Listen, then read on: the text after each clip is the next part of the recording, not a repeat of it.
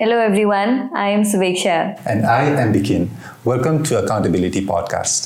आज चाहिँ हामीहरूसँग हुनुहुन्छ विजया राई हाम्रो आमकास नेपालबाट विजया राई हुनुहुन्छ वेलकम टु द पडकास्ट विजयाजी थ्याङ्क यू बिकिनजी हजुर अलिकति लाइट टोनमा स्टार्ट गरौँ होइन जस्तो विजयाजी आफै पनि एउटा रिटर्नी माइग्रेन्ट हुनुहुन्छ होइन अनि पछि हजुरले जस अहिले चाहिँ एडभोकेट पनि गरिराख्नु भएको छ माइग्रेसनकै इस्युमा लाइक माइन्डेड इन्डिभिजुअल्सहरूसँग पनि हजुर जोडिराख्नु भएको छ। सो हजुरलाई साँच्चीकै यो भनौँ न इन्सपिरेसन चाहिँ कहाँबाट आयो? आफै एउटा रिटर्नी भएको भएर नै यो सेक्टरमा काम गर्न थाल्नु भयो कि there were other reasons no there other reasons like म चाहिँ म आफै पनि returnee migrant I work in Japan होइन four two years in a factory nineteen ninety सिक्सदेखि nineteen ninety एटसम्म then I return after nineteen ninety eight चाहिँ अब नेपाल आएर त्योभन्दा अगाडि चाहिँ म आई वाज अ टिचर अनि त्यहाँ गएर आएपछि त्यही त तपाईँलाई थाहा छ नेपालको कमाइ त्यस्तै हो होइन? छोराछोरी राम्रो स्कुलमा। आफू पनि अलिकति राम्रो स्कुलमै पढिएकोले छोराछोरी राम्रो स्कुलमा पढाउँ भन्ने सोचे हो।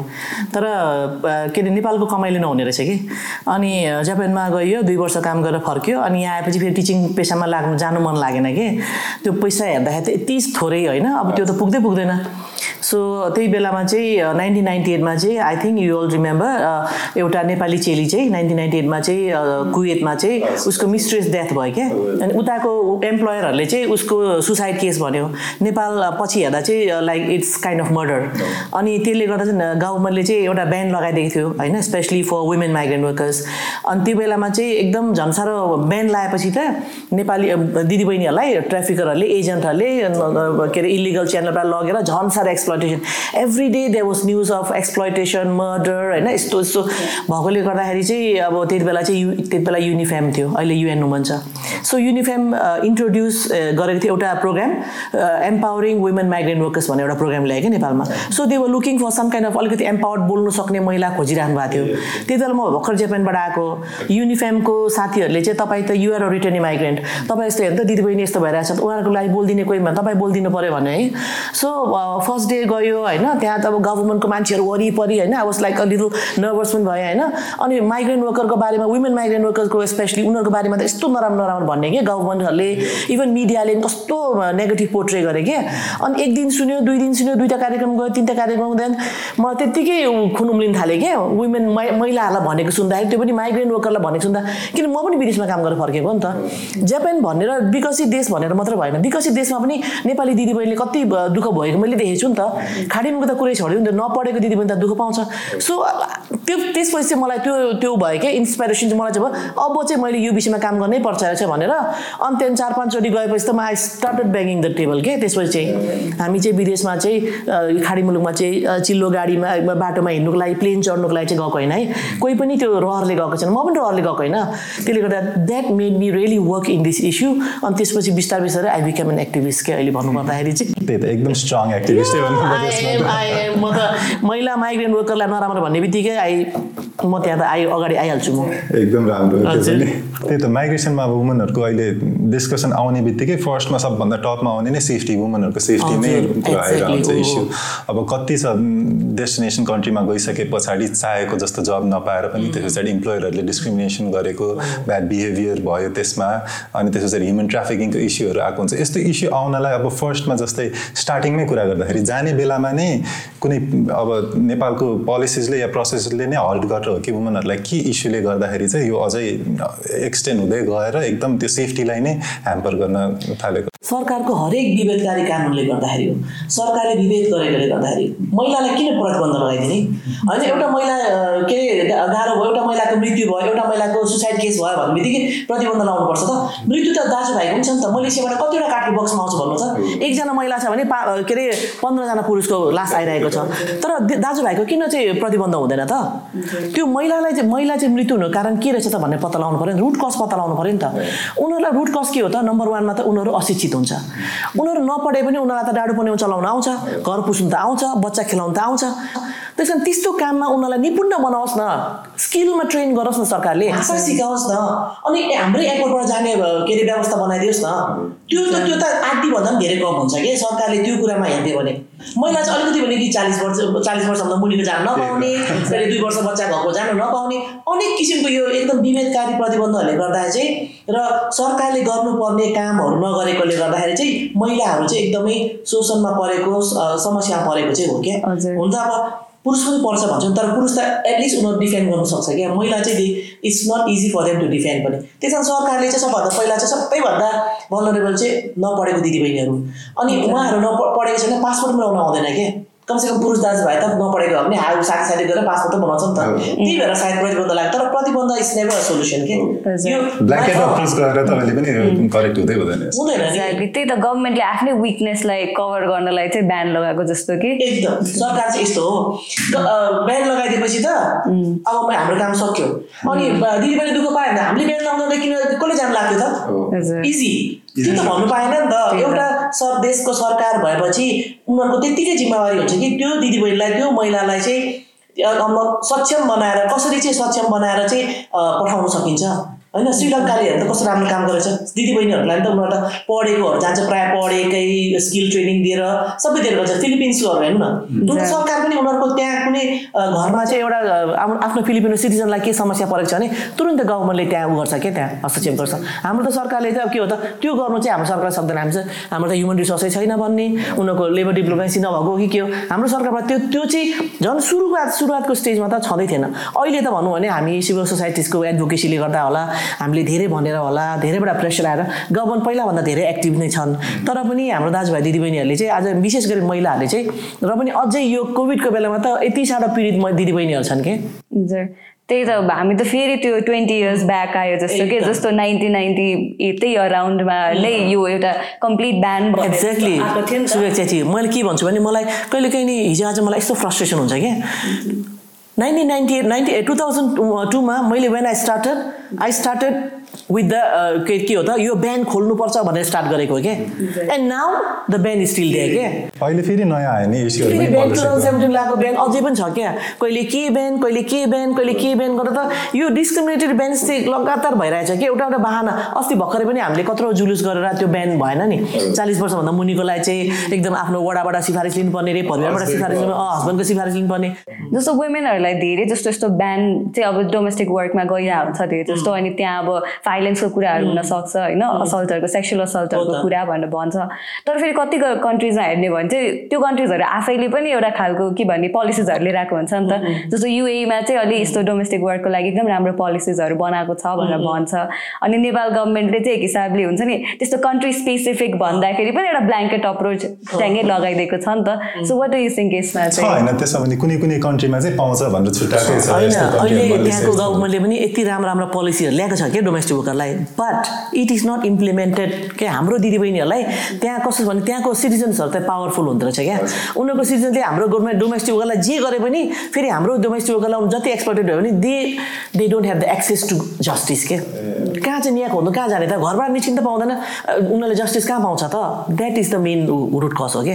अनि अर्को हामी तपाईँले सुन्नुभएको छ होला नि कफाला सिस्टम भनेर।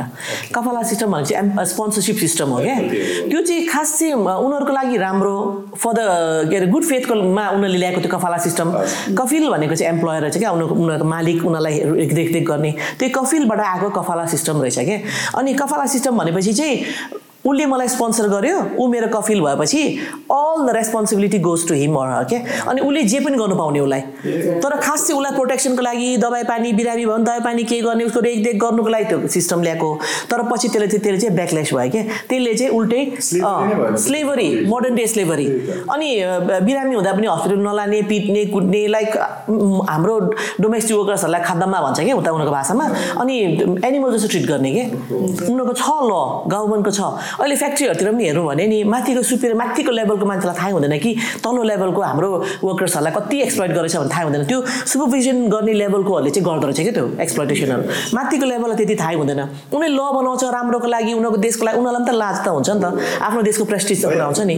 त्यो उनीहरूले ल त बनाउँछ तर त्यो ल चाहिँ त्यो जस त्यो ग्राउन्ड लेभलसँग जहाँ चाहे जसलाई चाहेको छ त्यो कानुन उनीहरूले त्यो पाउँदैन कि।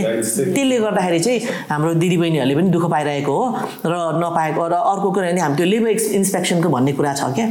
यो इन्टरनेसनल लहरूमा तर लेबर इन्सपेक्सन गर्ने हाम्रो कसको चाहिँ ऊ चाहिँ हिम्मत छ? हाम्रो एम एम्बेसेडर नै एउटा एउटा साधारण जनताको घरमा विदाउट माथिको चिठी नल्याएर पस्नु पाउँदैन। त्यस्तो छ। त्यही त त्यसकै त्यही कुरा गर्न लाग्दा अब जस्तै कति देखिन्छ कि फरेन कन्ट्रिजहरूको पनि नेपालमा पनि आएर हेर्दा कसै एउटा मात्र सिटिजनलाई केही भयो भने कहीँ हरायो भने के भयो भने त एम्बेसिजहरूले यति धेरै इन्टरभिन गर्छ। त्यस्तै नेपालको चाहिँ यो अब कन्ट्रिजहरूमा कस्तो पावर नभएको हो कि भएको पनि युज गर्न नसकेको हो कि डरले के हो भएको पनि युज गर्न नसकेको। किनकि they know they are not they are powerless भनेर थाहा छ कि? दे नो होइन तर उनीहरू डराउँछ कि? अब केही भयो भने त भइ त हाल्यो उनीहरू they they don't do that कहिलेकाहीँ एउटा एकजना हाम्रो पहिला उदयराज पाण्डे सर हुनुहुन्थ्यो नि एम्बेसेडर साउदीमा। उहाँको बेलामा चाहिँ उहाँले भन्नुहुन्थ्यो कि उहाँले चाहिँ अब बिचरा घरमा जान नपाउने फोन आउने अरे ल सर मलाई रेस्क्यु गरिदिनु भनेर दिदी पनि फोन आउँथ्यो अरे। फोन आउँदाखेरि अब कतिजनाको फोन पिक गरोस् न कति कति दुःख पाउने रहेछन् होइन। अब के अरे आठ हजार दस हजार गएकोमा त पाँच सयजनाले पनि फोन गऱ्यो भने के हुन्छ भन्नु न? एकैजना एक सयजनाले फोन गरेर के हुन्छ? तर सरले चाहिँ हामीलाई उहाँले सेयर गर्नुभयो अनुसार चाहिँ त्यो घरमा जान नपाउने सरले चाहिँ एउटा के सजेसन दिनुहुन्थ्यो भने मैले तिमीलाई हेर बहिनी तिमीलाई घरमा लिन आउन सक्दिनँ तर तिम्रो घरको बाहिर चाहिँ म तिमीलाई पर्खिन्छु तिमी भाग्ने चाहिँ कोसिस गर भनेर भागेर भगाएर चाहिँ गाडीमा ल्याएर के चढाएर ल्याएको चाहिँ भगाएको चाहिँ छ अरे सरले के। त्यसो गर्दा भनेपछि कति हेल्पलेस हेल्पलेस लागेन हाम्रो एम्बेसेडरहरू हाम्रो गभर्मेन्टहरू कस्तो हेल्पलेस के? हजुर यो कुराहरू चाहिँ जस्तो बाइलेटरल लेभलमा पनि यस्तो इस्युजहरू लिएर आएर यस्तो कुराहरू अग्रिमेन्टहरू गर्न सकिन्छ नि होइन? त्यसमा चाहिँ हाम्रो गभर्मेन्ट कतिको प्रोएक्टिभ छ कि? बायोलेटरल अग्रिमेन्टमा मलाई लाग्छ हाम्रो गभर्मेन्टहरू they are proactive they they want that kind of bilateral agreements तर त्यसको फलोअप र त्यो इम्प्लिमेन्ट भएको छ कि छैन हाम्रो त्यो अग्रिमेन्ट अनुसार चाहिँ हाम्रो कामदारले त्यो सुविधा सेवा सुविधा पाएको छ कि छैन भनेर त्यो चाहिँ हाम्रो गभर्मेन्टको चाहिँ मोनिटरिङ चाहिँ छैन जस्तो लाग्छ मलाई। त्यो गऱ्यो भने त त्यो बायोलेटरल अग्रिमेन्टले कामै गरेको छैन हुन्छ नि त। होइन? त्यो उनीहरू जुन जुन पाउने सेवा सुविधा त पाएकै छैन नि त त्यसले गर्दाखेरि चाहिँ इट्स नट वर्किङ तर पनि एटलिस्ट हामीसँग त्यो बायोलेटरल अग्रिमेन्टहरू छ होइन? मेमोरेन्डम अफ अन्डरस्ट्यान्डिङहरू त्यस्तो खालको स्ट्रङ खालको छ भने चाहिँ चाहिँ एटलिस्ट त्यो टेकेर हामी जस्तो सिभिल सोसाइटीले चाहिँ काम गर्न सक्छौँ कि? सबै कन्ट्रीमा पनि त्यो बिएलए त गर्नु पऱ्यो नि त। बिएलएहरू गर्नु पऱ्यो एमओयूहरू गर्नु पऱ्यो नि। तर गभर्मेन्टले अहिले सात आठ सात आठवटा देशमा मात्रै गराएको छ अहिले? सबै कन्ट्रीमै छैन। अहिले जब कि हाम्रो हाम्रो एन्ड टेनवटा कन्ट्रीमा छ होइन? जानु पाउने त्यो हो क्या त्यसले गर्दाखेरि सात आठ अहिलेसम्ममा त्यति हो। माइग्रेन्ट वर्कर रेमिटेन्सको लागि चाहिँ गभर्मेन्टहरू कति साह्रो उत्सुक है। यति रेमिटेन्स भयो उति रेमिटेन्स भयो। हाम्रो यति गर्यो जिडिपीमा यति कन्ट्रिब्युट गर्यो भनेर यत्रो बोस चाहिँ गर्ने। तर त्यो रेमिटेन्स पठाउनेहरूको लाइफ चाहिँ राइट्स चाहिँ नो एन्स्योरिङ एन्ड वास्ता पनि छैन क्या मतलब भएन क्या।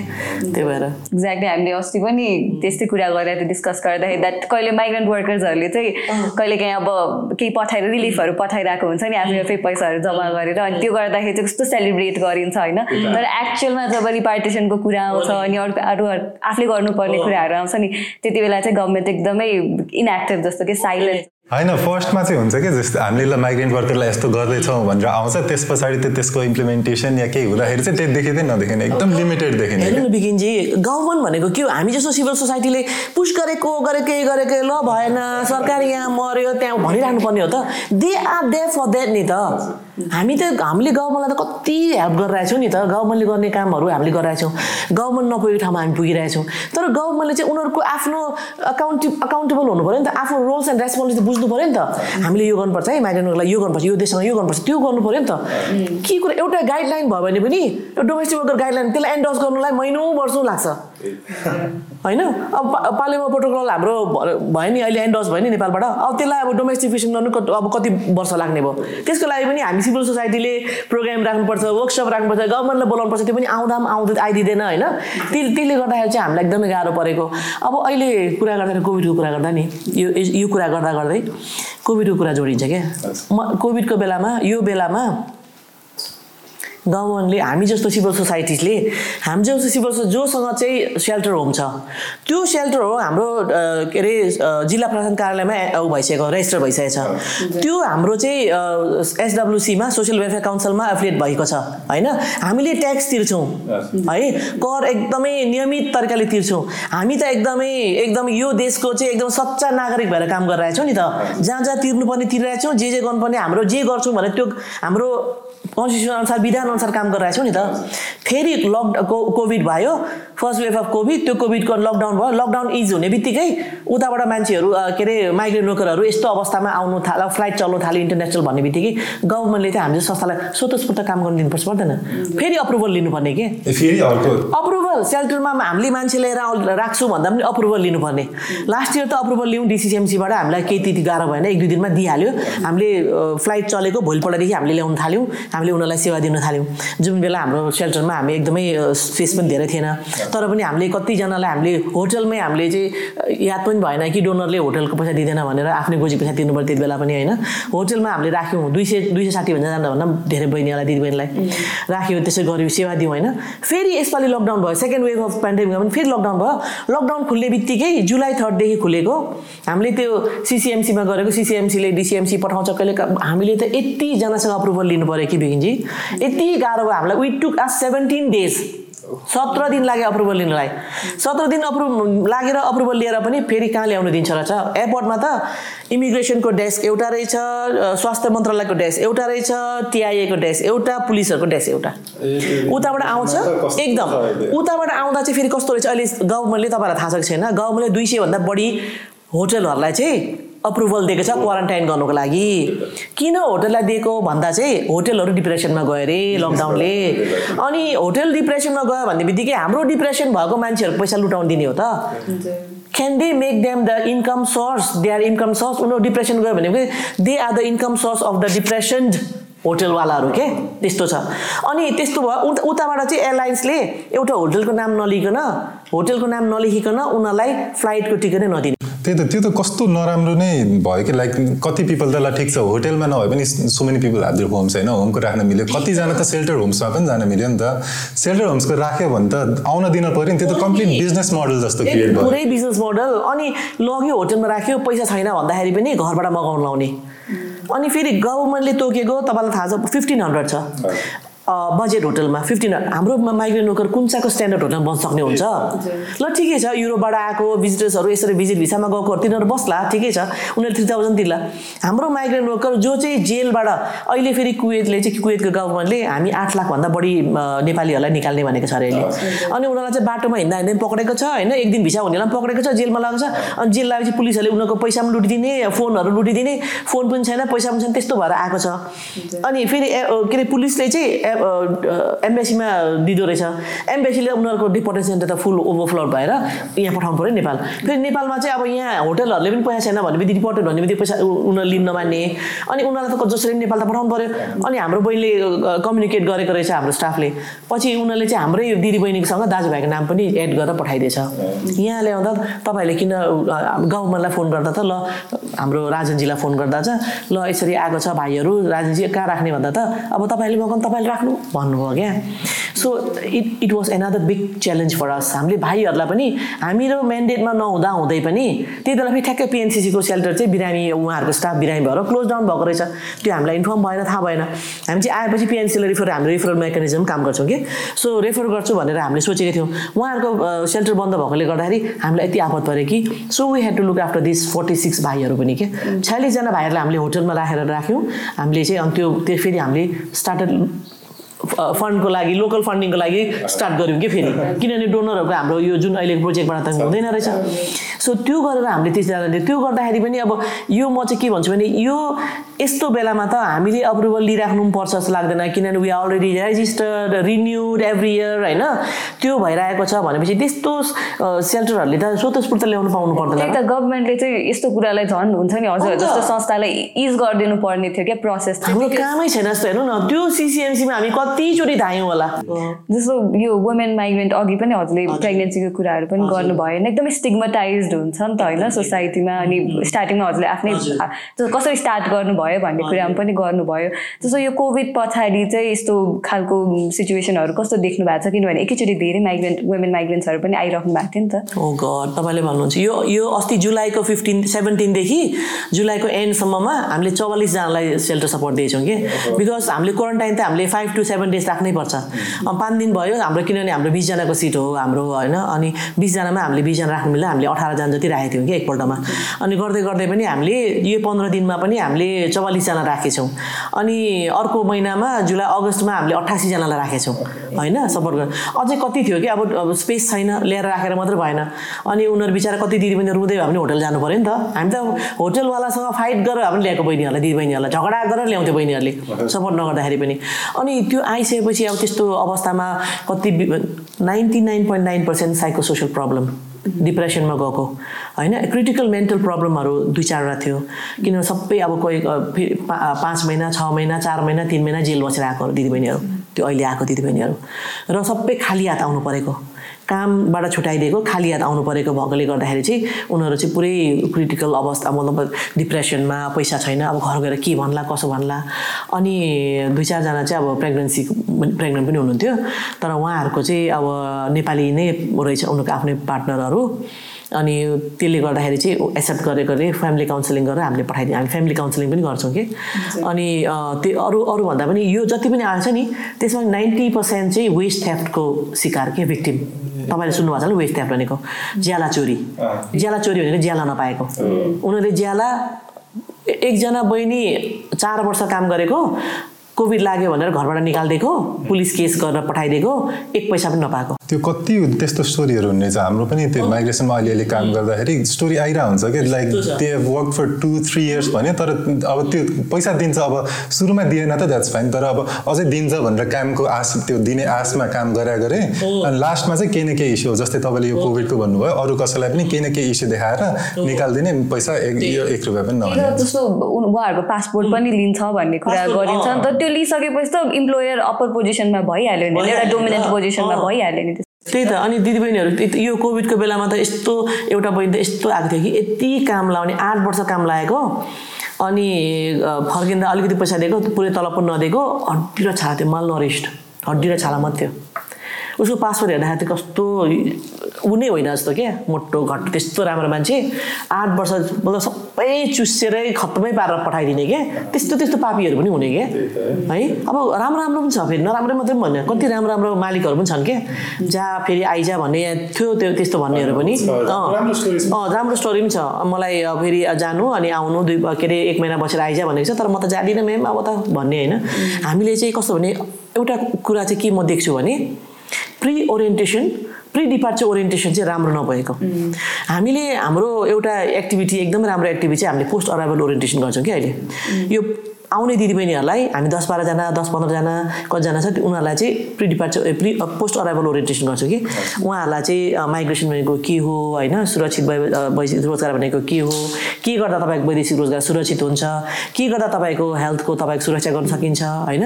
एम्बेसी कुन कुन कस्तो कस्तो छ? एम्बेसीको के छ? उनीहरूको रोल्स एन्ड ऊहरू एकाउन्टेबिलिटीहरू के छ? उनीहरूले तपाईँहरूलाई कस्तो कुरामा सहयोग गर्नुपर्छ होइन? अनि तपाईँहरूको यहाँ नेपालमा आइसकेपछि पनि अहिले तपाईँको आफ्नो ठाउँमा गयो भने चाहिँ वडा वडामा तपाईँहरूको लागि के सेवा सुविधा सरकारले दिएको छ? होइन यसको बारेमा अनि तपाईँहरूले कानुनी लडाइँ गर्नु पऱ्यो तपाईँको तलब दिएन भने यो भएन भने कहाँ सम्पर्क गर्ने? त्यो सबै दिएपछि अनि के अरे उनीहरूको फाइनेन्सियल लिट्रेसीको कुरा के? फाइनेन्सियल लिट्रेसी पनि गराइन्छु। फाइनेन्सियल लिट्रेसी कुरा गर्दाखेरि ओहो यो थाहा भएको त म त बितेर जाँदिनँ भन्नेहरू के? अनि कतिजना चाहिँ म फेरि फर्किनु पर्ने भनेर आएको बहिनीहरू अब त हामी नजाने म्याम अब हामीलाई त यहाँ सरकारले नै हामीलाई केही लोन दिन्छ अथवा यसरी केही दिन्छ भने त हामी यहीँ गर्ने परिवार सँग बसेर गर्ने भनेर भन्छ कि? जस्तै त्यही भएर सरकारले चाहिँ अहिले यो लाइभलीहुड अपर्च्युनिटिजहरू रिइन्टिग्रेसन प्रोग्रामहरूलाई चाहिँ सरकारले चाहिँ एकदमै अलिकति त्यसलाई चाहिँ स्ट्रेङ्थन गर्नु पऱ्यो र त्यसलाई अझै पनि त्यसलाई एनहेन्स गर्नु पऱ्यो कि? अझै बढी ऊ राखेर अथवा दाजुभाइलाई मात्रै दिने अथवा जो जो एक्सेसिबल उनीहरूलाई मात्रै दिने होइन। एकजनाले दस ठाउँबाट लोन लिएको छ कसैले एक ठाउँमा ल्याउनु सकेको छैन कि? अहिले भने प्रोसेस चाहिँ लामो गरिदिने यत्रो लामो लेन्दी प्रोसेस भनेर टाउको गरेर हिँड्नेहरू हुन्छ नि त। त्यसलाई इजी बनाइदिनु पऱ्यो कि? त्यो बहिनीलाई सबै मैले काम गरिदिएकोले मैले न त्यहाँ मैले नगरिदिएको भए त्यो बहिनीले पनि टाउकोमा हात राखेर मेरो पचास हजार जाए पनि जाओस् त्यो उदिएको एडभान्स दिएको भनेर छोडिदिन्थ्यो कि होइन? त्यसले गर्दाखेरि सरकारले दिनु दिनुपर्ने जुन अवेरनेस प्रोग्रामहरू छ प्रि डिपार्चर ओरिएन्टेसनहरू छ त्यो चाहिँ गर्नु भएन कि। त्यो त्यो मतलब त्यो ओरिएन्टेसन चाहिँ पाउनै पर्छ कि जसले पनि। नपाएकोले गर्दाखेरि नै दिदीबहिनीहरू एकदमै साह्रो समस्यामा परेको र अरू भन्दा पनि दिदीबहिनीहरूको कुरा सुन्दाखेरि चाहिँ अब कति त खाली हात आएको छ होइन? कतिको चाहिँ यति थोरै तलबमा पनि यो जमाना पनि दस पन्ध्र हजार हजारको लागि पनि काम गरिरहेछ कि उनीहरू होइन? अब तिस हजार कसैको चाहिँ तिस हजार तिस हजार पच्चिस हजार तिस हजार पैँतिस हजारसम्म पनि थापेको दिदीबहिनी छन् घरेलु काममा।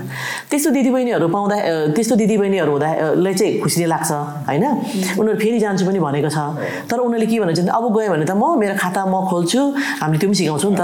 आफ्नै खाता खोलेर जान्छु अनि उताबाट चाहिँ मेरो तलब चाहिँ यति के अरे आधीभन्दा धेरै चाहिँ मेरो खातामा राख्छु। मैले त्यही हामी त्यही सिकाउँछु नि त। किनभने जति भएको चाहिँ कमाइ सबै परिवारलाई पठाइदियो। अनि घरमा आउँदा चाहिँ खाली हात। होइन? पहिला पहिला हामीले ओरियन गरेको बहिनीहरू जसलाई जसलाई चाहिँ हामीले ओरियन गर्छ उनीहरूले खाता खोलेर गएको छ।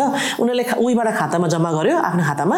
अनि त्यहाँदेखि त्यो जुस त्यो आइएमईमा पनि पठाउँदाखेरि चाहिँ यो खातामा जम्मा गरिदिनु भनेर पठाउँदा पनि हुँदो रहेछ नि त। अब जम्मा गरिदिँदो रहेछ। अनि त्यो आउँदाखेरि त उनीहरू त यहाँ अब आइएमबाट पैसा निकाल्दा काठमाडौँबाट आएपछि पैसा निकाल्दा त उनीहरू त धनी भयो नि त। खुसी। अनि घरमा पनि राम्रो ट्रिट गर्ने। होइन? पैसा छ भनेपछि घरमा पनि कहिले आउने कहिले आउने भन्ने।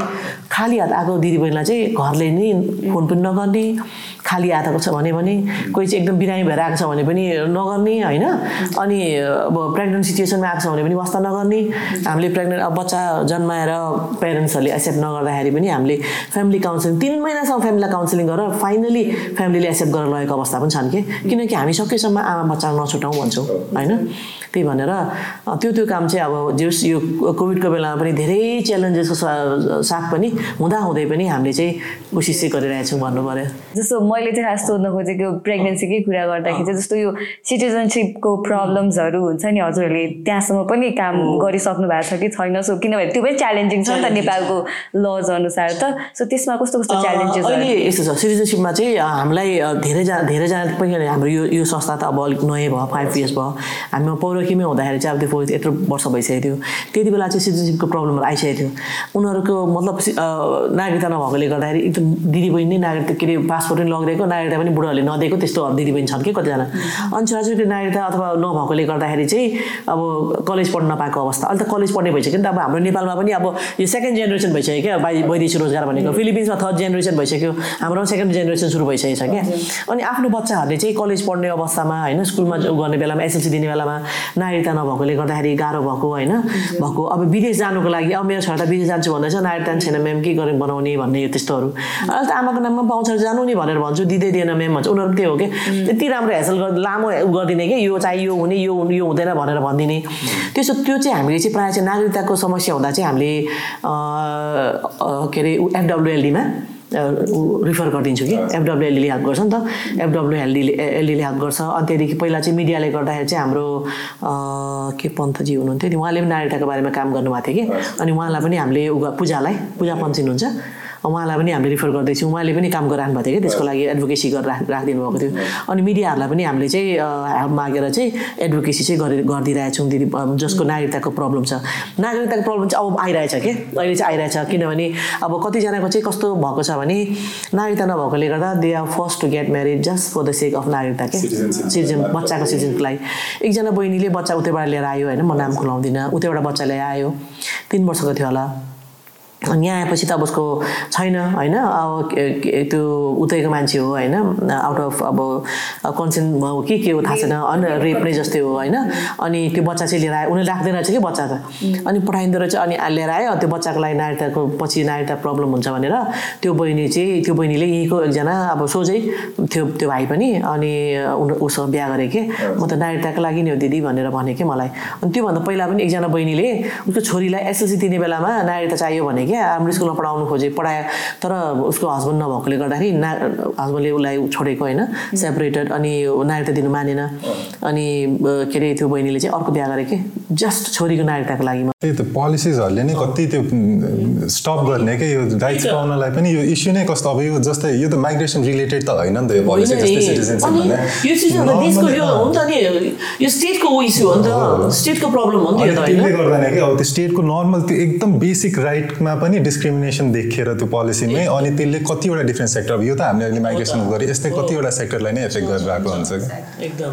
एकदम प्रब्लमै हो नि अनि तपाईँले जुन अघि कुरा गर्नुभएको थियो जस्तै अब प्रि डिपार्चरको ओरिएन्टेसन भनेर त्यो एकदम इम्पोर्टेन्ट नेसेसरी नै हो। तर त्योभन्दा पनि अगाडि नै अझै अवेरनेसको लागि चाहिँ एकदम क्रिएट गर्नुपर्छ जस्तो लाग्छ क्या मलाई चाहिँ यो। एक्ज्याक्टली तपाईँले भन्दै भन्दै गर्दाखेरि तपाईँको कुरो काटेँ प्रि डिपार्चर भनेको त यो त anyhow they have already made make up the mind के। अब म जस्तै उठ्छु भनेर भनेको थियो। मैले सुरुमा सुरुमा मैले साँच्चै भन्नुपर्दाखेरि नेपालमा मैले कुरा रेस गरेको प्रि एम्प्लोइमेन्ट ओरि मलाई त्यो के नाम दिउँ के नाम दिउँ भयो म- मलाई होइन। सो मैले प्रि एम्प्लोइमेन्ट ओरिएन्टेसन भन्छु कि त्यही बेला चाहिँ। त्यो प्रि एम्प्लोइमेन्ट ओरिएन्टेसन भन्दाखेरि चाहिँ मेरो चाहिँ मेरो डेफिनेसनमा चाहिँ के भन्यो भने हामी गाउँमा अवेरनेस हुन्छ नि। द्याट्स काइन्ड अफ अवेरनेस के तर अवेरनेस पनि स्पेसिफिक इस्युमा होइन? विदेशको बारेमा रहन सहनको बारेमा त्यहाँ हुने समस्याहरूको बारेमा अनि केस स्टोरिजहरू भनिदिने राम्रो केस स्टोरी पनि भनिदिने नराम्रो केस स्टोरी पनि भनिदिने। उसले इन्फर्म चोइस होस् क्या त्यो व्यक्तिलाई। अनि त्यो त्यो प्रि एम्प्लोइमेन्ट ओरिएन्टेसन गर्दा अवेरनेस गर्दाखेरि चाहिँ उनीहरूलाई के हुन्छ त ओहो यस्तो पनि हुँदो रहेछ म त जाँदिनँ है भन्ने होइन? किनकि मैले यो किन यसलाई मलाई चाहिँ प्रि डिपार्चर भन्दा पनि प्रि एम्प्लोइमेन्ट ओरिएन्टेसन इम्पोर्टेन्ट छ भनेर मैले थाहा पाएको भने चाहिँ एकजना बहिनीले ऊ चाहिँ साउदी गएको रहेछ अनि यही भक्तपुरको बहिनी हो। साउदी गएको तर उसलाई चाहिँ साउदीमा चाहिँ गोरुको मासु खान्छ भनेर थाहा थिएन रहेछ। उहाँ गएपछि त यत्रो यत्रो भाँडामा चाहिँ गोरुको मासु डल्लै खुट्टा मात्रै काटेको हुने अरे क्या? यति यति खुट्टा यसो काट्ने अरे अनि टाउको नहुने अरे यहाँदेखि तल अनि पेट चिरेर सबै निकालेको। अनि यहाँदेखि घुँडादेखि माथि यहाँदेखि माथि अनि टाउ यहाँ घाँटीदेखि तल डल्लै पकाउनु पर्ने अरे भाँडामा। मसला सबै लाएर उमाल्नु त्यो गर्नुपर्ने अरे। अनि यत्रो नाङ्लोमा निकाल्नु पर्ने अरे सकि नसकी होइन? अनि सबै केटा मान्छेले खान्थ्यो अरे। केटा मान्छेहरूले खाइसकेपछि छोरी मान्छेहरू आउँथ्यो अरे खानु। अनि छोरी मान्छेहरूले खाइसके फिमेलले खाइसकेपछि अनि काम गर्नेलाई दिन्थ्यो अरे क्या त्यही। उसलाई त त्यो गन्धले नै त्यो मासुको त्यो उमाल्दाखेरि गन्धले नै उल्क उल्क भएर खानु नसकेर उसलाई त टिभी नै लाग्यो अरे के। टिभी लागेछ अनि रगतै उल्टी गर्न थाल्छ। रगत उल्टी गर्न थालेपछि उसको त्यो मालिक उसको त्यो एम्प्लोयर बच्चाले देखेछ अनि खदामाले उल्टी गर्न थाल्यो भनेपछि उसलाई उसको मालिकले हस्पिटल चाहिँ लगेछ। तर हस्पिटल लगेर एउटा हस्पिटल चाहिँ उसलाई जे जेको लागि पनि पेनाडल दिन्छ अरे के? इफ यु हर्ड जे दबाईको लागि पनि पेनाडल दिन्छ। पेन किलर हो नि त पेनाडल Aspirin. त एस्पिरिन जस्तै हो। त्यो दिने अरे अनि त्यो फेरि कडा हुँदो रहेछ नि त। अनि त्यो दिने। अनि ऊ केही उपचार गरेन होइन। अनि ऊ चाहिँ अब यति साह्रो भइसकेको थियो कि अब म मर्छु नै भइसकेको थियो उसलाई कि? अनि एक दिन उसको घरको एम्प्लोयर कोही पनि थिएन अरे। अनि माथि छतमाथि गएर यसो हेर्दा त पल्लो घरमा चाहिँ एकदमै एउटा ड्राइभर केटा मान्छे देख्यो अरे। अनि गीत चाहिँ नेपाली गन्किरहेको थियो अरे कि नेपाली गीत। अनि उसलाई चाहिँ पक्का नेपाली दाजुभाइ भनेर खुसी लागेर अनि दाई दाई भनेर करायो अरे। अनि त्यो मान्छेले यसो हेरेछ नेपाली नै रहेछ नि त। अनि तपाईँ नेपाली हो बहिनी भनेर सबै बुर्खा लगाइदिएको हुन्छ होइन। "अँ, नेपाली हो म नेपाली हो दाई म मर्नु आँटेँ। मलाई टिभी लाग्यो कि उसलाई थाहा छैन टिभी लागेको। तर रगत उल्टी गरेर टिभी चाहिँ उसले ग्यास गरेको कि पछि टिभी नै रहेछ नेपालमा आएपछि। अनि म त मर्नु आँटेँ दाई यस्तो छ मलाई त उ- के अरे उद्धार गर्नु मलाई एम्बेसी पुऱ्याइदिनु म घर जान्छु भनेछ। अनि त्यो नेपाली दाईले चाहिँ उसलाई चाहिँ भगाएर त्यहाँबाट एम्बेसी पुऱ्याइदिएछ। अनि नेपाल फर्केर आयो त्यो बहिनी होइन? अनि ऊ चाहिँ हाम्रो हाम्रो संस्थामा कहाँबाट आइपुग्यो। अनि उसले सेयर गरे कि दिदी यदि मैले चाहिँ त्यो देशमा गोरुको मासु खान्छ होइन? त्यो देशमा यस्तो हुन्छ थाहा पाएको भए चाहिँ म त्यो जाँदिनँ थिएँ। भने क्या। तर कस्तो भन्छ भने त्यो भनेको चाहिँ प्रि एम्प्लोइमेन्ट के? त्यो ओरिएन्टेसनभन्दा अगाडि। ओरिएन्टेसन भने के हो त? तपाईँले पास नागरिकता बनाइसकेको हुन्छ पासपोर्ट बनाइसकेको हुन्छ तपाईँले सबै ऋण लिइसकेको हुन्छ दुई कतिचोटि ऋण लिइसकेको हुन्छ होइन? तपाईँ एकदमै मेन्टली प्रिपेयर भइसकेको हुन्छ परिवारले सबैले ए जाँदैछ भनिसकेको हुन्छ। अब काठमाडौँ आउँदा टिकट आलो गरेर आइसकेको हुन्छ काठमाडौँमा अनि कुन मुखले फर्किने र यहाँ आएर प्रि डिपार्चर ओरिएन्टेसन लिन्छ। प्रि डिपार्चर ओरिएन्टेसनमा त यस्तो यस्तो यस्तो भन्दा त उता तर्सिन्छ। अब तर्सेर के गर्नु त? फर्किने कुरा आएन। यत्रो खर्च गरिसकेको छ घरमा त अब सबै विदेश गएर कमाएर ल्याउँछ भन्छ। ऋण परिरहेछ त्यो ऋण तिर्नु छ। अनि ऊ बाध्य भएर जान्छ कि? फर्स्ट टु माइग्रेट के? At least they should have informed choice informed choice हुनुपर्छ इन्फर्म चोइस भयो भने उनीहरूको एक्सप्लोटेसन पनि कमी हुनसक्छ। उनीहरूको डिसिसन मेक गर्छ उनीहरूले। इन्फर्म डिसिसन गर्नु सक्छ नि त। त्यो डिसिसन गर्नै सक्दैन के? They have no other options के? उनीहरू जानै पर्छ। त्यसले गर्दाखेरि चाहिँ उनीहरू पहिला नै एक त के हुन्छ ट्रमाटाइज भइसकेको हुन्छ कि? प्रि डिपार्चर ओरिएन्टेसन हुँदाखेरि नै उनीहरू ट्रमाटाइज भइसकेको हुन्छ। उहाँ गएपछि झन् साह्रो उनीहरू के हो त? डिटोरेट हुँदै जान्छ उनीहरूको हेल्थ के? त्यसले गर्दाखेरि चाहिँ maybe pre pre employment orientation is very important pre pre departure is also but त्योभन्दा अगाडि चाहिँ हामीले चाहिँ यो अवेरनेस जुन गभर्मेन्टले गरेको गरेको छ अहिले पहिलाको हेऱ्यो दाजुमा। तर हाम्रो राइट हाम्रो जसले बेनिफिसियरी पाउनुपर्ने चाहिँ इन्फर्मेसन उसले। पुगिसकेको छैन त्यो यसो के अरे अर्बन एरियामा बसेर मजामा खाने उनीहरूले उनीहरूले सुन्दै सुन्दैन त्यो त। उनीहरू त एफएम सुन्छ अरू अरू सुन्छ नि उनीहरूले त्यस्तो सुन्दै सुन्दैन। ने- रेडियो नेपाल सुन्ने अथवा त्यस्तो सुन्ने त्यस्तो ओरिएन्टेसनहरू सुन्ने त गाउँ गाउँमा हो नि त होइन? एफएमहरू नभएको ठाउँमा गाउँ गाउँमा हो। तर त्यो ठाउँमा त पुगिसकेको छैन। त्यो- त्यो गभर्मेन्टले कहिले इभ्यालुएट गर्छ मोनिटर गरेको छ? Exactly. त्यही त जस्तो यो ओरिएन्टेसनसँगै चाहिँ अब जस्तो स्किलको कुरा गर्दाखेरि पनि जस्तो अहिले कुरा गर्दाखेरि चाहिँ रिटर्निङ माइग्रेन्टहरूले यस्तो स्किल लिएर आएको छ यसलाई स्किल म्याच गर्नुपर्छ भन्ने कुराहरू धेरै छ नि त। तर जाँदाखेरि चाहिँ हुन्छ नि गभर्मेन्टको साइडबाट लाइक स्किल स्किल बनाएर पठाउँ भन्नेवाला पनि हुनसक्छ नि त। सो त्यसमा चाहिँ कस्तो छ अहिले कतिको छ त्यो त एकदम लिमिटेड छ। वुमेनलाई फेरि यसमा मेन प्रब्लम चाहिँ कस्तो भने चाहिँ हाम्रो यो सोसाइटीको स्टिगमाटाइजेसन भएर पनि मेलहरूले त अब गयो होइन के स्किल लिएर आयो भन्ने हुन्छ उता जान्छ अब कि सेक्युरिटीको काम गर्छ कि कन्स्ट्रक्सन गर्छ अब त्यो स्किल लिएर आएर या एग्रिकल्चरको के स्किल लिएर आएर यहाँ गर्छ भन्ने हुन्छ। अनि हाम्रो सोसाइटीको अब स्टिगमेटाइजेसन स्टेरियोटाइप क्रिएट गरे पछाडि फिमेलले हाउसवर्क गर्ने भन्छ। अब उता विदेश गयो हाउसवर्क गरेर आयो तर यहाँ आए पछाडि अब हाउसवर्क गर्ने जति हाम्रो नेपालमा त त्यस्तो अब कोही मेडहरू राख्ने त्यस्तो छैन नि त कल्चर यहाँको। अनि यो रिइन्टिग्रेसनमा अब त्यो रिइन्टिग्रेसन भने पछाडि यसमा यो कुराले चाहिँ देख्यो अब आए पछाडि इन्टिग्रेट भन्दा भन्दा पनि जाने बेलाभन्दा अगाडिदेखि नै प्रिपेयर गराउनुपर्छ कि उनीहरूलाई चाहिँ आए पछाडि रिइन्टिग्रेट गराउनलाई के के स्किल चाहिन्छ उनीहरूलाई के के नलेज हुनुपर्छ भनेर त्यो त अगाडि नै हुनुपर्ने होइन। एक्ज्याक्टली अब यो स्किलको कुरा गर्दाखेरि चाहिँ एकचोटि स्किल सर्टिफिकेसन भनेर गभर्मेन्टले निकालेको थियो नि फरेन इम्प्लिमेसन रोडले बोर्डले स्किल सर्टिफिकेसन भन्यो। स्किल स्किल सर्टिफिकेसन भएपछि सर्टिफाई भएपछि चाहिँ त्यो सर्टिफिकेसन अनुसार चाहिँ उनीहरूलाई लोन दिने भनेर सरकारले एकचोटि ढङ पुगेको थियो होइन? तर त्यो के हो त सबै पुरुषको लागि मात्र भयो क्या। How many women has gone as skill worker अथवा has come back after working in formal sector होइन फर्मल सेक्टरमा बज काम गरेर महिला आएको महिलाहरू त उनीहरूले don't want to do anything के अब उनीहरूलाई काम चाहिने फेरि पनि काम चाहिने फेरि पनि काम चाहिने भने त्यही डोमेस्टिक वर्करहरू के अनस्किल वर्करहरू बिचराहरू अनि उनीहरू पनि ए हो हामी पनि विदेश गएर आएको हाम्रो पनि अब स्किल सर्टिफिकेसन गर्ने भनेर बिचरा काठमाडौँ आएको जना मैले भने हामीले पनि ढङ पुगिदियो नि त गभर्मेन्टले पुगेपछि बिचरा उनीहरू आयो हामीलाई पनि त्यो नलेज भएन नि त पुरै आयो अनि यहाँ पठाउँदाखेरि त यहाँ तपाईँ त पाँच वर्ष भइसकेको छ हुँदै यो तिन तिन वर्षभित्रमा आएकोहरूलाई मात्रै हो भनेर पठाएछ कतिलाई। कतिलाई ए डोमेस्टिक वर्कर तपाईँ त अनडकुमेन्टेड चाहिँ अनडकुमेन्टेडलाई होइन भने हेर्न डिस्क्रिमिनेसन अगेन हियर उनीहरूको स्किल सर्टिफिकेसन छैन। अनि तपाईँले अहिले भन्नुभयो नि जानुभन्दा अगाडि नै स्किल एकदमै स्किल्ड वर्कर बनाएर पठाउनु ठिक छ नि त। तर यो स्किल ट्रेनिङको लागि के हो त यो डिसेन्ट्रलाइज अझै पनि भएको छैन क्या। अनि काठमाडौँमा आएर स्किल ट्रेनिङ लिनु कसले भ्याउँछ कहाँ छ र आफ्नो घर? कि त होस्टेल हुनु पऱ्यो नि त। गभर्मेन्टले स्किल ट्रेनिङ दिने भनेर भन्यो। तर वे खोइ त होस्टेल? उनीहरू आएर बसेर गर्ने। फिलिपिन्सतिर त उनीहरूको त बक्कै त ठुल्ठुलो होस्टेल हुन्छ नि स्किल ट्रेनिङको लागि पनि। यहाँ खोइ त छ होटेल त। अब यहाँ आउँछ उनीहरू उनीहरू के हुन्छ यदि at least if the skill training होइन centres are decentralise if pre departure orientation centres are decentralise कमसेकम घरमै होइन छोराछोरीलाई स्कुल पठाएर उनीहरू त्यहाँ स्किल त्यो ओरिएन्टेसन ट्रेनिङ लिएर अथवा स्किल ट्रेनिङ लिएर घर फर्किँदा छोराछोरी स्कुलबाट फर्किँदा उनीहरू फर्के। जस विदेश जा नगइन्जेलसम्म त उनीहरू त्यो त गर्न सक्छ नि त एटलिस्ट उनीहरू नो बडी ड्यास टु काम काठमाडौँमा आएर एक महिना बसेर अनि त्यहाँदेखि उड्ने को कसैको पनि ऊ छैन कि? त्यो हिम्मत पनि छैन उनीहरूको टाइम पनि छैन उनीहरू सक्दा पनि सक्दैन कि? उनीहरूसँग त्यो पैसा पनि छैन। यदि गभर्मेन्टको चाहिँ त्यो मे मतलब त्यो चाहिँ एकदम मेन्डेटरी रहेछ गभर्मेन्टको होस्टेल छ। ल यसपालि चाहिँ सयजना दिदीबहिनी सयजना दिदीबहिनी बस्ने होस्टेल हुनु पऱ्यो अनि त्यो होस्टेलमा एकदम वेल इक्विप स्किल ट्रेनिङ दिने खालको हुनु पऱ्यो सबै कुरा। त्यस्तै किसिमको डिसिप्लिनदेखि स्किलदेखि सबै कुरा दिने खालको हुनु पऱ्यो त्यहाँ होइन? त्यहाँ अब त्यो लड पठाएपछि अर्कोलाई गएर त्यहाँ राख्ने। त्यस्तो भयो भने त ल आउँछ पनि होला दिदीबहिनी तर त्यस्तो चाहिँ आएर अनि कहाँ बस्ने त? स्किल ट्रेनिङ लिएर त अनि आफ्नो आफ्नो मान्छेको घर आफ्नो मान्छेलाई बर्डन एक त काठमाडौँको महँगाइमा होइन? आफ्नो मान्छेहरू पनि राख्नु इच्छा छैन। अनि आफ्नो मान्छेकोसँग पनि एकदम सङ्कोच हुँदै आफ्नो मान्छेको बस्दाखेरि त्यो स्किल ट्रेनिङ लिएको कहाँ दिमागमा घुस्छ। होइन? त्यसले गर्दाखेरि गभर्मेन्टको जुन वेज छ नि ways of giving skill training ways of giving pre pre departure orientation यो हुँदै भएन कि? हाम्रो migrant women migrant friend friendly नै भएन यो। हाम्रो माइग्रेन्ट माइग्रेन्ट्स फ्यामिली फ्रेन्डली नै भएन क्या अरू अरू देशको सिक्नुपर्छ भनेर कति भन्छ? श्रीलङ्काले कति राम्रो गरिरहेछ? फिलिपिन्स यति राम्रो छ। सिक्नु पऱ्यो नि त्यो कुराहरू त। तर केही पनि त्यस्तो कुराहरू नसिक्ने र एनजिओसहरूले हामी चाहिँ सिभिल सोसाइटीले भन्दाखेरि पनि नसुनिदिने कि?